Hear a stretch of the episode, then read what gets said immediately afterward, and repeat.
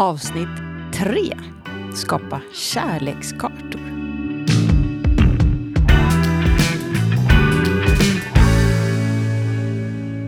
Kärlekskartor.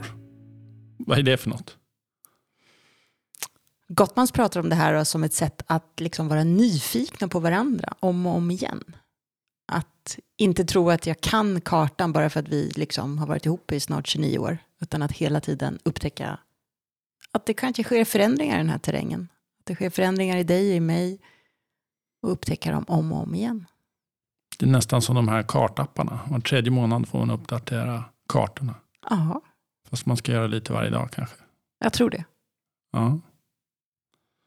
Och då ska man alltså lära känna varandra igen och igen kan man säga. Ja, var nyfiken, ställa frågor och kanske inte alltid tro att man kan allting om den andra. Jag tycker det är väldigt bra till exempel när din bror ringer dig. För i telefon så ställer han frågor som jag inte har tänkt på att ställa och så får jag reda på en massa saker när jag hör att ni pratar med varandra. Mm. Det är ett litet eh, tjuvknep som, som du har. Och kommer ju lite från, från min problematik att då inte alltid berätta allting. Mhm. Eller inbilla mig att du redan vet allting som jag vet. Mm. För att man är så nära. Ehm, Så det är inget fel med det knepet. Men det är kanske är bättre att jag ska vara tydligare och du frågar mer också.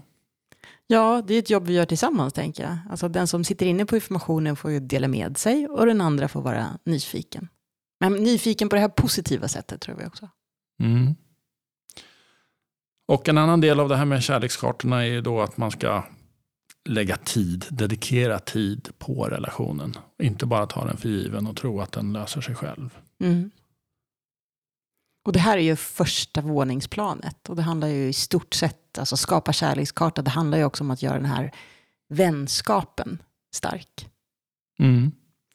Och en del av det är då att man gör vänskapsbyggande aktiviteter som det kallas för. Eh, vad kan det vara för någonting? Ja, men vi gillar ju att göra saker tillsammans där vi båda två är nybörjare. Det vill Mm. säga ingen av oss har liksom en förtur av att kunna den här grenen Mm. sen tidigare.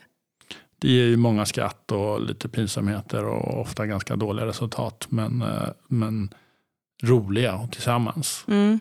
Så skulle jag hänga med dig på friidrotten så skulle det ju vara din arena och då skulle inte jag känna mig lika, vad? Jag vet inte. Ja, det skulle vara tufft att, att slå sig in där Ja. när jag har så mycket försprång. Ja, men under våren nu har vi gjort den här digitala skulpturkursen i lera tillsammans. Mm. Det har varit spännande. Ja, Vad gör man mer då? Ja, man ska vara positivt inställd till sin partner och man ska vara nyfiken har du pratat om också. ja och någon man vill vara vän med. Alltså hur är jag som vän i den här relationen till dig? Mm. Precis. Och behålla det för att eh, vi utvecklas ju hela tiden. Ja. Så även fast vi bor tillsammans och har gjort det i många, många år så behöver jag ju fortfarande liksom upptäcka nya saker med dig. Mm. Hänga med i vännerna. Och man behöver inte vara superinsatt men ha ett visst intresse. Det, det hjälper mycket. Ja, alltså jag behöver ju inte fråga dig exakt hur det var när du gjorde senaste stavhoppsträningen, för det fattar jag kanske i alla fall inte, men okej, hur var det med dina kompisar då? Alltså var det någonting annat som hände, eller hur kändes det? Mm. Det är ju nyfikna frågor tycker jag. En sak jag tycker är väldigt fin med alla de här våningsplanen är att det är aktiviteter. Det är alltså någonting att göra. Men det kan också vara att vi då upptäcker att det här gör vi redan, det här är vi redan bra på. Ja, vi har ju hittat gång på gång kommer vi på grejer som eh, jaha, det där gör vi ju. Mm. Och så tittar man i någon manual eller någonting och säger man det här är en jättebra metod för att eh, bygga kärlekskartor och, och vara nyfikna på varandra. Om man nu tycker att det här är lite svårt då, hur startar man? Då finns det lite appar man kan ta hjälp av. Mm. Gottmans har en egen app Mm.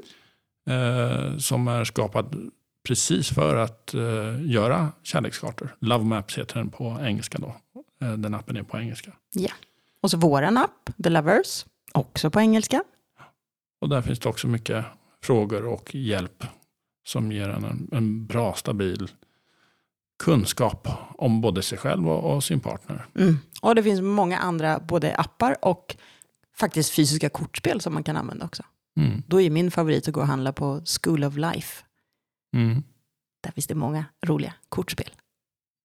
Härligt. Ska vi fortsätta till våning två? Japp. Kommer nästa avsnitt. Häng med!